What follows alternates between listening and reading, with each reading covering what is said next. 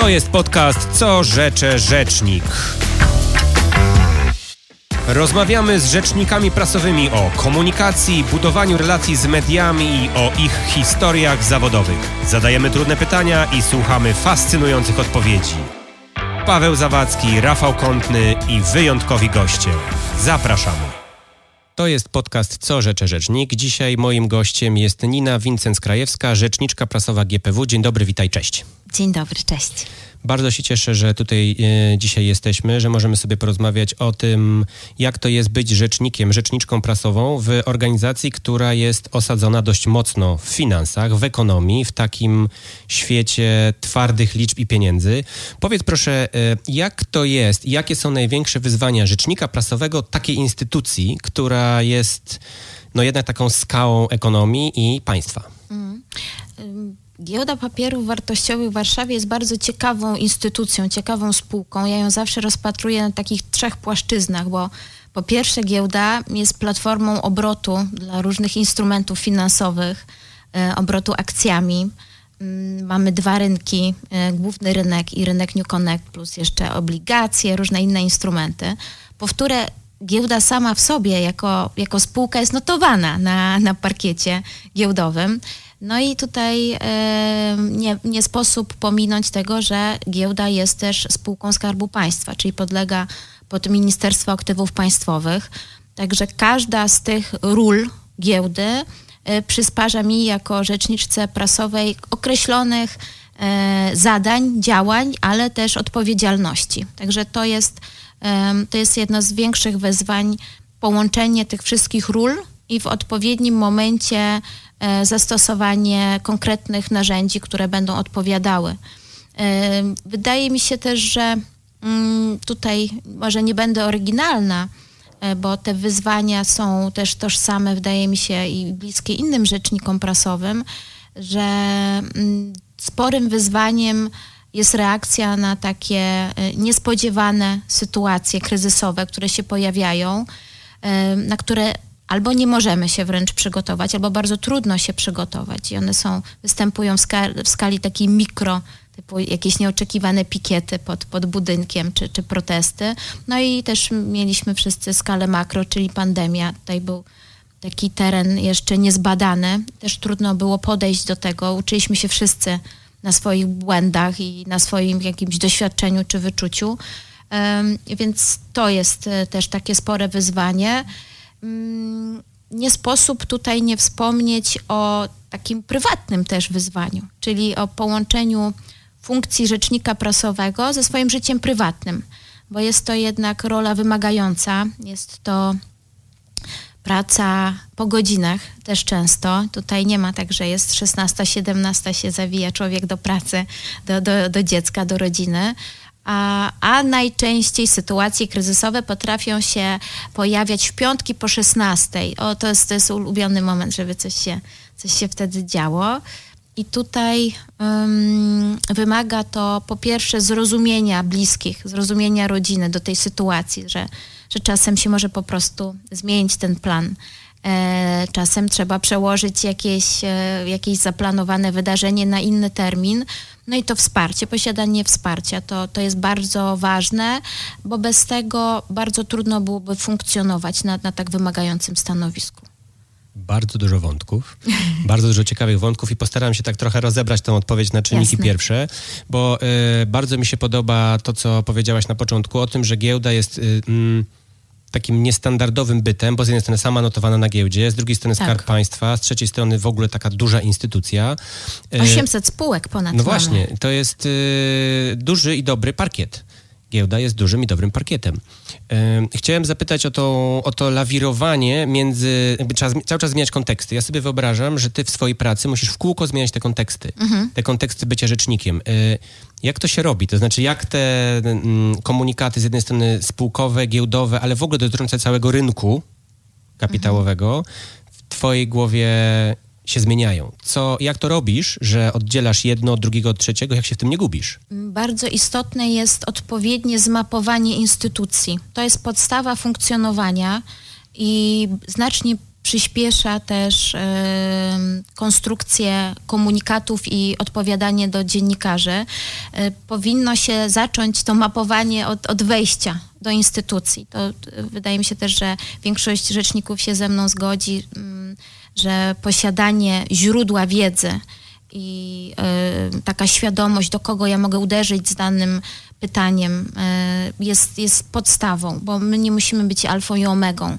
Zwłaszcza też, że dziennikarze pytają często o bardzo szczegółowe rzeczy, więc e, niezwykle istotne jest to, że jak dostanę pytanie o daną spółkę, która jest notowana u nas, u nas na parkiecie, będę wiedziała, czy mam się zwrócić do działu emitentów, czy raczej tutaj do chłopaków z działu notowań. Jeżeli jest to pytanie o nas jako o, o giełdę, spółkę notowaną, no to mamy tutaj e, zespół relacji inwestorskich, i, e, który jest też bardzo pomocny. No a jeśli chodzi o kwestie nas jako spółki Skarbu Państwa, to tutaj y, też kwestia, jakie jest to pytanie, czy też musimy to zagadnienie z samym mapem, czyli z ministerstwem jakoś uzgadniać na nasze stanowisko.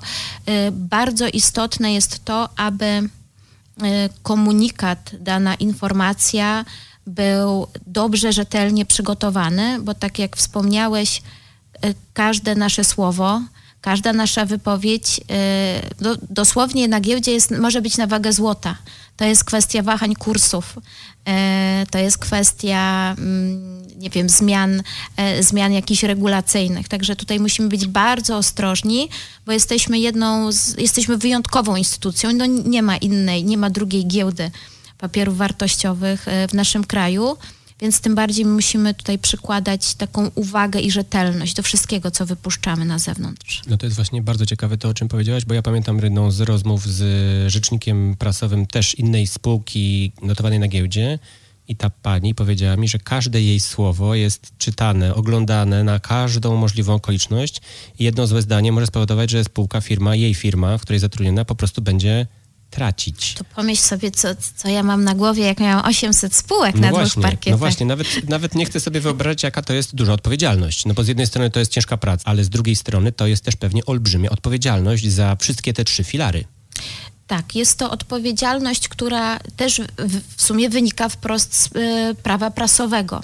E, nie, nie możemy zapominać o tym, że funkcja rzecznika prasowego jest wpisana e, w regulacje i możemy z nich wyczytać, że do reprezentowania spółki i E, obowiązki informacyjne ma zarząd, mają kierownicy, zastępcy kierowników, rzecznik prasowy, plus osoby, które zostały wyznaczone w ramach swoich tam obowiązków i, i ograniczeń w tym zakresie. Ale jako rzecznik prasowy no, ma, mam dużą odpowiedzialność reprezentowania spółki, nie tylko tym, co mówię, ale też swoim wizerunkiem, tym, co publikuję na swoich e, portalach społecznościowych. Prawda jest taka, że e, rzecznik prasowy, przynajmniej ja do tego tak podchodzę, nie ma prywatnych social media. E, wszystko to, co publikuje, może być poczytane e, w jakiś określony sposób, nawet jakieś zdjęcie, jak sobie zrobię z określoną koszulką, która może mieć jakieś logo. To są takie niuanse, na które trzeba zwracać uwagę ponieważ no, mogą być cenotwórcze. To jest szalenie interesujące, to, to zdanie, które powiedziałeś, że rzecznik prasowy jest, jakby nie ma życia prywatnego, bo tak trochę to rozumiem. I to się łączy z tym, co powiedziałaś wcześniej o tej mm, akceptacji czy o tej elastyczności z punktu widzenia rodziny. Y, wyobrażam sobie, że to poza tym, że jest y, szalenie nerwowa, praca, bardzo obciążająca i bardzo trudna, e, no ale po drugiej stronie tego miecza jest pewnie olbrzymia satysfakcja. Chciałem cię zapytać o to, co w tej pracy i co w tym kotle, jakim jest parkiet, sprawia ci największą satysfakcję i myślisz sobie, dlatego tu jestem? Paradoksalnie, bo jednak praca rzecznika prasowego y, często wiąże się z takim e, jednoosobowym wystąpieniem E, z pracą e, samemu nad, nad daną treścią czy nad danym zagadnieniem, to mnie bardzo satysfakcjonuje praca zespołowa. Bardzo lubię realizować projekty y, wspólnie z, z koleżeństwem i z mojego działu, ale też dużo szerzej z osobami z organizacji, a jeśli są też inne firmy czy instytucje w to zaangażowane, to przyznam, że takie projekty najbardziej mi się podobają, dodają mi dużo takiego poweru, pozytywnej energii, że coś razem e, mogliśmy stworzyć. Mm, pamiętam e, bardzo dobrze, jeszcze dwa lata temu, e, warszawska giełda obchodziła swoje urodziny. Trzydziestolatka, więc nie sposób nie świętować takich, takich urodzin. I robiliśmy wtedy bardzo dużo takich projektów na trzydziestolecie. To nie tylko było samo świętowanie, samo wydarzenie, ale też wydaliśmy własny album e, na temat historii giełdy. Wydaliśmy płytę e, z muzyką, która pochodziła z filmów i seriali o tematyce finansowej i giełdowej. Wydaliśmy, uwaga, znaczek pocztowy. E, więc dużo takich elementów, w które byli zaangażowani pracownicy z całej organizacji i też oddolnie padła taka propozycja zrealizowania 30 dobrych uczynków na 30-lecie giełdy. I to już to było super, bo wtedy e, niezależnie od, od stanowiska, od swojego działania angażowaliśmy się w wolontariaty e, pracowniczej na rzecz dzieci, na rzecz ekologii, na rzecz wspierania zwierząt. E, I to dawało dużo takiej pozytywnej energii. E, w poprzedniej mojej pracy e, w Siemensie, w której też miałam tutaj przyjemność e, pełnienia tej funkcji, także był bardzo rozwinięty wolontariat pracowniczy. Był osobny budżet na, na tego typu projekty i przyznam, że to nie tylko była taka, takie działanie integrujące pracowników, co dające taką satysfakcję, mimo że żadnych pieniędzy się za to nie dostawało, wręcz przeciwnie, bo to e, czasem się sponsorowało samemu rzeczy e, i e, swój czas poświęcało. To, to faktycznie daje potężny kop takiej satysfakcji. 30 dobrych uczynków na 30 lat giełdy brzmi, powiedziałbym, wzruszająco. Znaczy, to jest takie bardzo inspirujące. Pamiętasz, e, zapadło coś ci w pamięć z tych 30 uczynków takiego, że myślisz sobie, to było coś. Mm, jednym, jedną z takich inicjatyw było oddawanie krwi. Na przykład e, tutaj przyjechał do nas krwiobóz pod, e, pod budynek giełdy, ale też e, mogliśmy do, oddawać jako pracownicy krew w każdej tej stacji krwiodawstwa na hasło GPW i, i liczyły się te litry, ich było bardzo sporo. To jest faktycznie taki dar serca. Tego trudno, trudno to jakoś wymierzyć kwotowo, więc to było takie bardzo pozytywne. Poza tym zaangażowaliśmy się też w pomoc dwóm domom dziecka niedaleko Warszawy gdzie robiliśmy zbiórkę e, rzeczy i też zbiórkę książek. I co, co też takie bardzo, bardzo było miłe, że wielu pracowników zaangażowało się nie tylko w oddanie tej książki, ale w czytanie dzieciom. I robiliśmy tam wyjazdy pracowników giełdy, którzy czytali dzieciom książki w różnym wieku, o różnej tematyce. Później wspólnie spędzaliśmy czas i to było bardzo, bardzo przyjemne i budujące. Zwłaszcza, że te dzieci też po, po jakimś czasie pamiętały to, wysyłały jakieś tutaj pozdrowienia czy życzenia mamy bardzo, bardzo też zaangażowanych pracowników na giełdzie, którzy, czy wydarzyła się tragedia na, na Ukrainie, trzeba było szybko pomagać, też się angażowali w takie akcje pomocowe. E, więc e, dla mnie, jako nie tylko rzecznika, ale dla pracownika, ważne jest, aby pracować w firmie, która się angażuje społecznie. Jest to spójne też z jej wizerunkiem. To jest ważne. To jest bardzo ładne, co mówisz, bo Przypuszczam, że dla większości osób, nawet tych zaangażowanych w rynek finansowy, giełda to jednak jest miejsce, w którym część się świeci na zielono, część na czerwono tak. i jedni się cieszą, a inni nie. A z tego, co mówisz, to jest organizacja, która robi dużo, dużo więcej. To miło tak. o tym słyszeć. Cieszę się, że takie historie i takie rzeczy się pojawiają. Ja bym chciał zapytać o taki warsztat y, rzecznikowski, twój, bo no, zaczęliśmy troszkę o tych kryzysach. Ja sobie wyobrażam, że rynek kapitałowy na świecie żyje 24 godziny na dobę. E, jedna giełda się zamyka, jedna się otwiera i jednak to jest e, taka praca non-stop.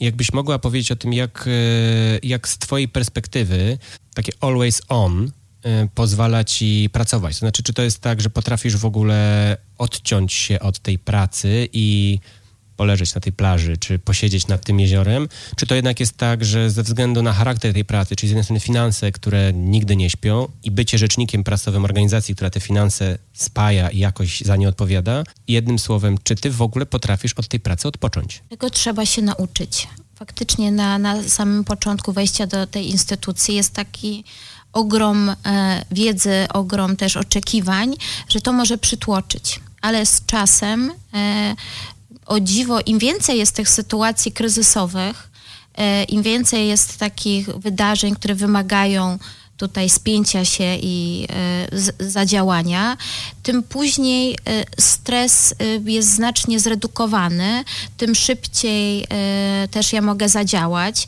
ponieważ już wiem, do kogo mam tutaj uderzać, kogo prosić o pomoc, jak jak zadziałać, więc y, na pewno z czasem i z doświadczeniem dużo łatwiej jest w takiej organizacji jak giełda taką funkcję sprawować, y, a odpoczynku trzeba się nauczyć, bo nie, jesteśmy wszyscy tylko ludźmi i ostatnio mm, jadąc y, samochodem zobaczyłam taki billboard, na którym było napisane, że po latach e, to, że zostałeś po godzinach, zapamiętają tylko twoje dzieci.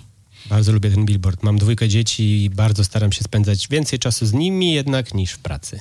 I powiem ci, że to jest dla mnie taka kotwica i że jak często myślę, a dobra, jeszcze godzinkę albo no, no jeszcze Szczególnie, muszę... że możesz pewnie pracować non-stop. Znaczy wyobrażam sobie, że taka nie dość, że funkcja, ale instytucja i ty razy ta instytucja, znaczy najprawdopodobniej mogłabyś swoją pracę wykonywać non-stop. Tak. Je, jeżeli, jeżeli byłaby taka, taka okoliczność, która by tego wymagała, to, to jak najbardziej. Ale wtedy jest potrzebne takie, ja to nazywam kotwicą. To jest y, coś, co mnie zakotwicza tu i teraz i pokazuje, że może ja swój czas mogę poświęcić i jeszcze godzinę zostać i jeszcze. Ale ja mam też czas dla swojego dziecka i to jest dla mnie bezcenne.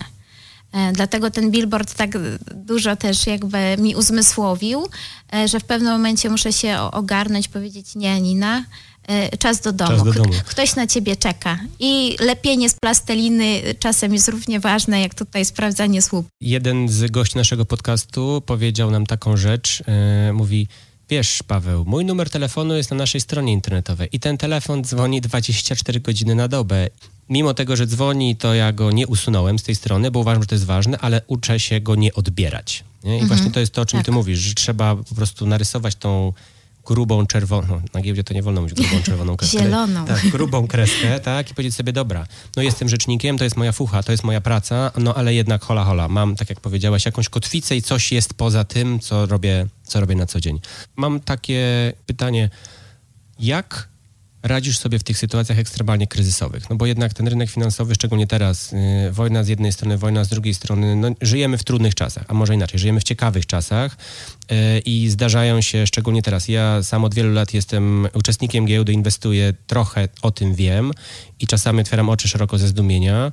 Chciałem się dowiedzieć, jak w tym bardzo szybkim i bardzo dynamicznym świecie odnajdujesz się w roli rzecznika. Znaczy, na co, co czytasz, co oglądasz, na co zwracasz uwagę i skąd czerpiesz informacje, wiedząc, że tych informacji jest nieskończenie wiele. E, pytam Cię o Twój własny warsztat i o Twoje własne doświadczenie, jak je wzbogacasz, jak je uzupełniasz jak je po prostu budujesz? Mhm. Podstawą jest prasówka. To jest może banalne, ale prasówka prawdę ci powie i też często ci ustawia działania na kolejny dzień. Mhm. I to jest często prasówka poranna, kiedy mam przegląd tego, co się dopiero ukazało e, lub poprzedniego, poprzedniego dnia, co, co wypuściły media i to jest, to jest bardzo ważne, żeby zobaczyć te nastroje, co teraz kręci media i dziennikarze, ale też pod koniec dnia wychodząc z pracy też wchodzę na, na różne portale informacyjne. E, i takie ogólne, ale też związane z finansami czy ekonomią i patrzę, co tam jest obecnie na tapecie, ponieważ y, najprawdopodobniej, jeżeli coś jest na czerwonym czy żółtym pasku, to następnego dnia ja po prostu od rana będę się tym zajmowała. Więc to, to jest bardzo ważne. To jest ciekawe, że już dzień wcześniej wiesz, tak, gdzie wybuchnie Oczywiście. ten dynamit w twojej pracy. Co więcej, też mam, y, mam, mam cynki często tutaj na słuchy y, z ludzi, od ludzi związanych z rynkiem, że coś się może zadziać. Więc y, no już, już na, na bazie tego ja staram się zbierać jakieś informacje, dane, e, dzwonić do ludzi, bo mm, no, od, od rana możliwe, że będę musiała zadziałać tak mocno w danym obszarze. Mm, raz w tygodniu robię sobie dzień raportów ponieważ ja też jako rzecznik prasowy jestem odpowiedzialna za przygotowanie tez, wystąpień dla, dla prezesa, różnych dla niego materiałów, które są pomocne na, na konferencjach muszę być obeznana z tym, co aktualnie jest w raportach, w różnego rodzaju zbiorach informacji. I to jest mój czwartek raportowy. I wtedy e, mam już linki do, do różnych podstron, które zawierają takie dane czy statystyki z różnych obszarów, e, ponieważ no, my, my jako giełda działamy w branży finansowej, ale pamiętajmy, że spółki u nas notowane działają w, no, w możliwie szerokiej e, liczbie branż, czyli i technologiczne, i gamingowe, i biotechnologiczne, medyczne, wydobywcze, więc e, warto, żeby mm, możliwie dużo e, takich statystyk przyswoić, żeby później w pamięci szybko odnaleźć, że o, tu, tutaj coś znalazłam, a jest konferencja, na przykład zielone finanse i warto, warto coś dodać, więc na pewno, na pewno są to raporty. E, I trzeci, trzeci taki element, który mi ułatwia i znacznie przyspiesza e, pracę, to są testy ciągłości działania giełdy. Jest to coś, coś bardzo... W życiu nie słyszałem o czymś takim. Tak. Powiesz więcej? Jest to coś, z czym się spotkałam, no, zaczynając pracę na giełdzie. Wcześniej e, w poprzednich firmach nie miałam tego typu ćwiczeń, a są to ćwiczenia z sytuacji kryzysowych. E, między e, mniej więcej raz na kwartał giełda, tutaj nasz e, compliance officer, risk officer i inni odpowiedzialni za zarządzanie kryzysowe organizują test ciągłości działania, który polega na tym, że jest podział na dwa zespoły. Jeden zespół inicjujący, on opracowuje scenariusz danego wydarzenia, i jest drugi zespół, który realizuje, który nie ma pojęcia, po prostu zdwaniamy się, bo to są online'owe z reguły testy. Niektóre tylko wymagają obecności tutaj na giełdzie, bo musimy na przykład ewakuować e, budynek. E, I przyznam Ci, że jest to świetny taki przyczynek do późniejszych działań. E, zwłaszcza, że rzecznik prasowy zawsze jest elementem tych ćwiczeń. Zawsze sytuacja kryzysowa potencjalnie może wymagać e, skonstruowania komunikatu do mediach, wypuszczenia informacji, czasem wyjścia do mediów, udzielenia wywiadu. Też zawiera elementy komunikacji wewnętrznej tutaj pomocy przy konstrukcji komunikatów dla pracowników, jeżeli jest to wymagane. Zaplanowanie kanałów komunikacji, narzędzi, poinformowanie odpowiednich dziennikarzy i to wszystko jest ćwiczone. E, co więcej, to nie tylko dotyczy samej giełdy, ale też innych spółek, e, bo w, spół, w ramach grupy kapitałowej GPW mamy przeszło 10 spółek, plus jeszcze nasze otoczenie, E, tutaj giełdowe, mm, spółki, które mają siedzibę w centrum giełdowym, ale też czasem dopraszamy innych uczestników rynku kapitałowego i robiąc takie większe, większe ćwiczenia. E, przyznam, że już kilka scenariuszy stety, niestety się sprawdziło bo to nie są y, wydumane tematy. To nie jest temat pod tytułem mm, wylądowało UFO na dachu giełdy, tylko są to ćwiczenia związane na przykład z niedostępnością odpowiedniej liczby pracowników na giełdzie albo właśnie z jakimiś atakami e, cybernetycznymi na systemy. I e, to jest świetny pomysł e, na skrócenie czasu do przygotowania się do takiej sytuacji kryzysowej. To jest bardzo ciekawe mam taką myśl, ty mówisz kotwicę, że każda godzina poświęcona na planowanie oszczędza potem trzy godziny w realizacji. Dokładnie. I wyobrażam sobie, że to są takie ćwiczenia, czy takie warsztaty, które potem ułatwiają tobie i całemu twojemu środowisku pracę. E, ale powiedz proszę, czy to jest tak, że wy wiecie, że one się wydarzą, czy one się wydarzają niespodziewanie i po prostu nagle spada ta bomba i wszyscy... Wiesz, pytam o to takie trochę od kuchni, czy wiecie i macie wszędzie rozklejone, że w środę będą ćwiczenia, proszę się przygotować, czy to są sytuacje niespodzianki jak prawdziwe kryzysy? Mm, jeśli chodzi o ćwiczenia, to one są wcześniej zaplanowane. My wiemy, że, że takie e, testy się odbędą, nie wiemy tylko na jaki temat i w jakim obszarze, więc też trudno się przygotować do tego y, i też trudno założyć, że na przykład będzie się tylko online'owo pracowało, bo czasem jest konieczność, żeby tutaj przyjechać na przykład na, na giełdę. Wiesz, bo czasem jest tak, że się ćwiczenie, jak wszyscy wiedzą, że będzie alarm przeciwpożarowy, to nie przychodzą na wszelki wypadek do pracy, żeby nie musieli windą, tak, tam schodami schodzić. Czasami tak się daje, te ćwiczenia wtedy nic nie dają, nie? E, to jest, e, te, te, ćwiczenia, czy jak to ładnie profesjonalnie się nazywa, e, sprawdzanie ciągłości pracy giełdy, tak? tak. E, bardzo mi się to podoba i jest, rozumiem, jednym z e, wachlarza e, tych umiejętności, czy tych ćwiczeń, czy tych warsztatów, które ty pewnie jako rzecznik robisz, żeby te swoje kompetencje zwiększać. No bo wyobrażam sobie, że to jest taki ultimate warsztat, po prostu prawdziwa sytuacja, którą trzeba zarządzić. Jakbyś mogła powiedzieć jeszcze, jak rzecznik prasowy takiej organizacji, czyli ty, uczy się gdzie rozwija te swoje kompetencje, które kompetencje są najważniejsze i które rozwijasz, a które warto mieć, ale rzadko z nich korzystasz. Mhm. Ja z wykształcenia jestem dziennikarką. E, ukończyłam studia dziennikarskie na Uniwersytecie Warszawskim, później studiowałam jeszcze zarządzanie, e, więc tak na pierwszy, na pierwszy rzut można by mnie było postawić raczej po drugiej stronie tej barykady, e, ale te studia nauczyły mnie podstawowych kompetencji, które każdy rzecznik powinien mieć, czyli kompetencji komunikacyjnych, tworzenia dobrych, zrozumiałych tekstów, informacji, e, też takich może drobnostek, ale też stylistyki interpunkcji, poszerzyły, poszerzyły na pewno moje zainteresowanie światem, bo też e, to dziennikarstwo, które ja przynajmniej studiowałam, nie było ukierunkowane na daną branżę, tylko bardziej ogólnie. Dopiero na mm, końcowych latach studiów e, już tak bardziej można było się specjalizować w danej, w danej dziedzinie. Więc e, te kompetencje komunikacyjne mimo że, że mam, że się tego uczyłam, to one wciąż są bardzo ważne, ponieważ zmienia się technologia. Zmienia się technologia, która, którą my jako rzecznicy prasowi, jako pracownicy e, działów PR używamy, e, więc te kompetencje tutaj też trzeba zwiększać.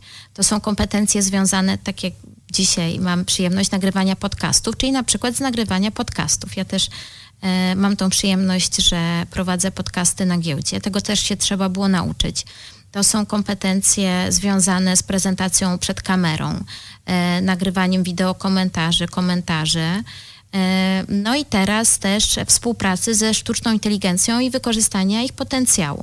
Także e, to jest jakby ta część e, takich powiedzmy kompetencji bardziej miękkich, natomiast kompetencje twarde związane e, z finansami, z informacjami na temat giełdy, to rozwijałam już od samego początku, jak tutaj trafiłam, ponieważ nie mam wykształcenia ekonomicznego, ale stwierdziłam, że no, e, jak, pracow- jak, jak rzecznik prasowy giełdy papierów wartościowych może nie mieć informacji, czy nie posiadać wiedzy takiej chociaż podstawowej na temat giełdy, więc od razu się zapisałam do szkoły giełdowej, kończyłam tutaj dwa kursy, plus e, dodatkowe też kursy na temat ekonomii. E, uważam, że mm, oczywiście są branże i branże, ale w branży finansowej, która niesie ze sobą jednak, tak jak wspomnieliśmy, taką dużą odpowiedzialność za każde słowo, to trzeba, trzeba poszerzać tą wiedzę. Więc już, już teraz nie tylko podstawy, ale też jakby każde uczestnictwo w konferencji, w warsztatach związanych z, z giełdą, z finansami, to jest jakby ten, ten dodatek do, do mojej wiedzy i do moich kompetencji, co też ogranicza e, potrzebę kontaktów z pracownikami e, i też, też oszczędza im czas. Jeżeli jestem sama w stanie pozyskać informację i stworzyć tą informację, to też nie muszę już prosić koleżeństwa o pomoc w tym zakresie. Czyli samodzielność ułatwia i pomaga, skraca czas i jest e, tak. potrzebna. Ja zwróciłem uwagę, jak przygotowywałem się do naszego e, podcastu, że jesteś osobą, która też tą swoją wiedzą chętnie się dzieli. To znaczy, poza tym, że wiem, że prowadzisz podcast, to jesteś też zaangażowana w różne działania związane z uczelniami wyższymi, zaangażowana w różne, tutaj też na giełdzie, działania edukujące. E, uważam, to jest super. To znaczy, dzielenie się wiedzą służy temu, żeby ci inni ludzie mogli dowiedzieć się często nowych, ciekawych rzeczy. Co tobą kieruje? Jak to jest, że chętnie tą wiedzą się dzielisz, organizujesz te spotkania, prowadzisz te podcasty? Powiesz, bo nie każdy to robi, nie każdy to lubi. Często, szczególnie na stanowisku, które i tak już jest bardzo wymagające, to dzielenie się wiedzą, czy w ogóle spotykanie się ze studentami, czy z ludźmi, którzy mają mniej wiedzy niż ty, jest gdzieś tam odłożone na sam, sam, samiusieńki koniec. No wiadomo, że musimy coś zrobić, kur, wszystko jedno, ale ludzie tego nie robią. A ty to robisz. Dlaczego? Bo mi to ładuje bardzo mocno baterię i daje taki bardzo pozytywny flow, taki feedback e, i od studentów, i od e, dzieci, z którymi mam też przyjemność e, spotykać się i opowiadać o giełdzie. To jest może taka ta część, która mnie napędza do działania, kiedy już mam dość kolejnych komunikatów, kolejnych telefonów od dziennikarzy to ta taka szczera ciekawość, jak ostatnio byłam e, na uczelni w Lublinie i tam rozmawiałam ze studentami. E, spotkanie miało trwać godzinę, trwało ponad dwie godziny, ponieważ no, byli żywo zainteresowani tym, tym, czym się zajmuje i e, czym zajmuje się giełda to bardzo pozytywnie napędza. Ja za to nie, nie miałam jakichś dodatkowych wpływów. Poświęciłam swój czas też, żeby, żeby tam dojechać i, i na te spotkania, ale widzę, jak dużą mi to sprawia przyjemność. E, no, dlatego to robię, że widzę w tym sens. Jest to głębszy sens, który wydaje mi się będzie procentował w przyszłości, bo też e, kto ma tych młodych ludzi e, nauczyć fachu, kto ma im pokazać, jaka jest też etyka pracy, bo etyka pracy na stanowisku rzecznika jest, jest bardzo ważna. E, kto ma im pokazać, jak w określonych sytuacjach można się zachować, ale też e, pokazać im te błędy, które się popełniło, aby oni ich nie popełniali, aby się uczyli na, na naszych błędach. Także ten sens ja widzę w oczach ludzi, z którymi się spotykam e, i w takim pragnieniu wiedzy i, i dokształcaniu się. To jest świetne, po pierwsze, że to robisz i to w ogóle bardzo się cieszę i gratuluję, że masz na to czas, energię i zasoby. Y, ja jak czytam prasę i czytam taką publicystykę, to w ogóle mam takie wrażenie, że ludzi coraz częściej ta giełda i finanse i ekonomia zaczyna interesować. To znaczy oczywiście pewnie są to jakieś społeczne ruchy związane z pandemią, oszczędnościami, lokowaniem, inflacją, no wieloma różnymi rzeczami, ale tak jak ja kilka lat temu, bo od wielu lat inwestuję, nie miałem z kim o tym porozmawiać, tak dzisiaj coraz częściej częściej temat inwestycji, giełdy, parkietu, giełd światowych, no wielu różnych rzeczy związanych z ekonomią jest przy stole. Znaczy, jak się rozmawia ze znajomymi, to troszkę już jest w dobrym tonie, trochę o tych giełdach, trochę o tych obligacjach, trochę o tych akcjach, no o różnych rzeczach wiedzieć. Jak to jest z Twojej perspektywy? Czy też widzisz y, zainteresowanie? Jeśli tak, to czym bardziej lub nie na tych spotkaniach? Czy to ze studentami? No z dzieciakami to nie, no ale w ogóle pewnie obracasz się w różnych środowiskach. Czy zauważasz takie wątki, w których no w dobrym tonie i kuście jest wiedzieć o ekonomii trochę więcej niż to, że giełda jest na Książęcej w Warszawie. Mhm. E, widać, że na giełdę wchodzi nowe pokolenie inwestorów. E, są to inwestorzy, którzy są młodzi, którzy wierzą też w jakieś takie swoje siły czy, czy wiedzę, jeśli chodzi o, o inwestowanie. Chcą spróbować czegoś, niekoniecznie mają duże finanse od razu, ale um, chcą spróbować tak dywersyfikując swój portfel tutaj e, zainwestują w jakieś tokeny, tutaj e, kupią akcje na, na giełdzie, Widać to zainteresowanie no, spowodowane tym, o, o czym wspomniałeś, czyli pandemią. I do takiego inwestora nowej ery, nowych czasów, my jako giełda też musimy się pochylić i też musimy e, w odpowiedni sposób e, przygotowywać dla nich materiały czy informacje. I tak jak niedawno mieliśmy właśnie bardzo duże wydarzenie poświęcone startupom, gdzie nie tylko przedstawiciele startupów e, w nim brali udział, ale także dużo młodych ludzi, którzy chciałoby zainwestować pieniądze, chciałoby w ogóle zobaczyć, jak to robić, niekoniecznie mają nawet wiedzę, jak zacząć inwestować na giełdzie trzeba do nich, e, dla nich przygotowywać odpowiednie materiały. To nie, nie może być one-pager, jakiś taki zapisany tekstem.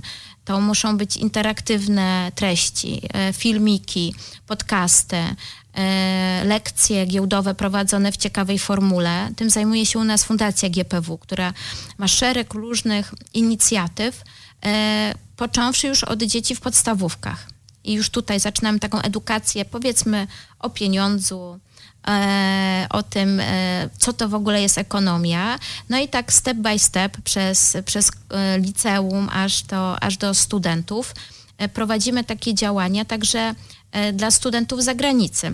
Mamy taki program Go for Poland. On, on, w ramach tego programu zachęcamy studentów polskich, którzy studiują za granicą, do tego, żeby po tych studiach wrócili do, do Polski, oferując im staże w różnych instytucjach rynku finansowego, też na giełdzie. Więc y, ja widzę, że ta edukacja już od najmłodszych procentuje, no nie mówiąc już o takim projekcie już dla maluchów, nazywa się Trampki na giełdzie. Y, gdzie w taki przystępny sposób też staramy się dzieciakom pokazać, co tu się dzieje i co to są w ogóle te słupki i, wy, i wykresy. I uważam, że my plony tych działań będziemy e, zbierać. No, już zbieramy, ale jeszcze w przyszłości mogą być większe, większe i większe. Czytałem gdzieś, że giełda jako spółka jest, to it's not a financial advice, tak, tutaj, ale że giełda jako spółka jest świetna, bo właśnie teraz więcej nowych inwestorów będzie na ten parkiet wchodzić, więc naturalnie obrót będzie większy, więc kupujcie GPW. E, I to jest to, o czym ty mówisz, że te plony tych dzieciaków, studentów, młodych inwestorów nowej ery, to jest bardzo ładnie powiedziane, mm, za 5, 10, 15 lat to oni będą tutaj e, po pierwsze dużo bardziej wyedukowani, będą mieli jakieś konkretne oczekiwania, będą się na tym znali, a co za tym idzie, no swoje, to jest takie dobre koło edukacji tak. finansowej, tak. której chyba mm, brakuje. To znaczy ja mam taką intuicję, mnie nikt tego nigdy nie uczył. Za moich czasów a jesteśmy pewnie z podobnego rocznika, y, tej edukacji nie było dużo. Znaczy, w szkołach, w szkołach też nie pamiętam. Była przedsiębiorczość. była pamiętam. przedsiębiorczość, przychodził smutny pan, pokazał jakieś wykresy, nikogo to nie interesowało, a ja dzisiaj widzę na, w centrum Warszawy, że ludzie wyciągają telefony, inwestują po prostu tu i teraz. Ja pamiętam taką rozmowę z jakimś y, takim moim znajomym z dużej organizacji. Mówię, wiesz, właśnie wczoraj tam siedzi, leżałem na kanapie, obserwowałem spółki, tak sobie myślałem, może kosmos, to sobie kupiłem tam 10 spółek tego, 10 tego, 10 tego, tam na, na amerykańskim parkiecie. Tak mnie spojrzał i mówi, ty zobacz, jak to poszło do przodu. Ty leżysz, wyobraź sobie, jak to 30 lat temu było, że to, było niemożliwe, to było 10 lat temu było niemożliwe. Ja na karteczkach czytałem... się wtedy tak, zlecenia no przecież to w ogóle było... Ja dzisiaj leżę na kanapie i to jest w zasięgu, znaczy ten świat giełdowy, ten świat finansowy jest w zasięgu ręki. Ja czytałem taki artykuł w Financial Timesa, że jest taka nowa era inwestorów, którzy do miliona dolarów w ogóle nie potrzebują nikogo, kto będzie im doradzał w finansach, bo wszystko do bańki mają w telefonie i tylko się nie boją do tego miliona dolarów. Powyżej tej kasy zaczynają rozmawiać, no to przypuszczmy, mhm. że w mhm. Polsce to pewnie jest taka kasa, na milion złotych, tak? Że młodzi ludzie, przypuszczam, nie, nie mają takich pieniędzy, ale do tych pieniędzy mogą to robić samodzielnie i w ogóle trzy aplikacje, trochę wiedzy, prasówka rano i po południu im absolutnie wystarczy. Że to się na maksa zmienia. Tym bardziej się cieszę, że i ty, i wy jakby te trampki na giełdzie, no bo pięknie to brzmi. Ja mam, y, mój, mój syn ma 3,5 roku, to jeszcze jest za mały chyba na trampki na giełdzie, e, ale... Jeżeli ma trampki, to niech wpadnie. Nie, no ma trampki, ma trampki, e, ma trampki i on, ja tak czasem mu zadaję takie pytanie, no to Stanisław, no to kupujemy taką akcję czy taką, w ogóle nie mam tym pojęcia, ale wiesz, jakby też mu pokazuje, że są różne rzeczy, które w ogóle są dostępne. Zmierzając do końca naszej rozmowy, chciałem cię zapytać o te wyzwania w kontekście najbliższej przyszłości. Powiedziałaś trochę o tym rozwoju kompetencji, o tej sztucznej inteligencji, o tym, że ta edukacja edukacja finansowa jest ważna. Co dla ciebie, tak personalnie, jest takim wyzwaniem, czy jest takim milestone'em, do którego dążysz i powiesz sobie, to jest to, zrobiłam to, osiągnęłam to, nie wiem, czy to jest kwestia tej pracy, bycia rzecznikiem, czy to jest jakaś historia związana z tą edukacją, czy masz jeszcze taki, jakiś taki projekt, za który wszyscy teraz będziemy trzymać kciuki, żeby się udał? Tak, mam taki projekt, mam taki obszar, w którym zawsze chciałam się rozwijać. Jest to obszar naukowy. I y, mam nadzieję, że też tutaj y, studia, które podjęłam, czy wykładanie na studiach MBA na uczelni Łazarskiego, będą tym takim krokiem w kierunku, który zbliży mnie i do zrobienia doktoratu, i też w przyszłości do, do, do wykładania na, na uczelni. Tak myślałem, że to będzie doktorat. Tak. Więc to, to są takie plany, które, które mam gdzieś z tyłu głowy i chciałabym je zrealizować. I są też spójne z tym, co, co robię obecnie, ponieważ to na pewno będą w tym obszarze, którym się zajmuję, czyli związane pewnie z komunikacją czy z PR-em. E, kwestia znalezienia czasu. I to, to jest to właśnie wyzwanie, o którym o którym e, wspomniałeś, że największym wyzwaniem jest to, aby, aby móc pogodzić te, te kilka ról, czyli rolę tutaj zawodową jako rzecznika prasowego, życie prywatne plus jeszcze takie życie naukowe, które zawsze było mi bliskie. No i teraz mam nadzieję, że się nadarzy okazja i ja tej okazji oczywiście będę pomagać, żeby, żeby się zmaterializowała w najbliższym czasie. No to w takim razie co? Życzę sukcesów nie tyle zawodowych i prywatnych, ale też tych naukowych. E, mamy nadzieję, że doktorat już wkrótce. Wiem, że nie jest łatwo, ale to daje dużą satysfakcję, więc za to trzymam kciuki. Bardzo serdecznie dziękuję za rozmowę e, i nie tylko za rozmowę, ale też za to w ogóle wszystko, co i ty tutaj na giełdzie i co giełda robi, więc y, trzymam kciuki, żeby te projekty, które pilotujesz, w które jesteś zaangażowana, po prostu tak świetnie działały. Wielkie, wielkie dzięki. No i cóż, do usłyszenia, do zobaczenia na parkiecie. Oby tutaj wszędzie było zawsze zielono. Dziękuję pięknie za rozmowę. Bardzo mi było miło podzielić się tymi informacjami. I tak, zapraszamy na giełdę nie tylko w trampkach. Dzięki wielkie. To był podcast Co Rzecze Rzecznik. Do usłyszenia w kolejnych odcinkach.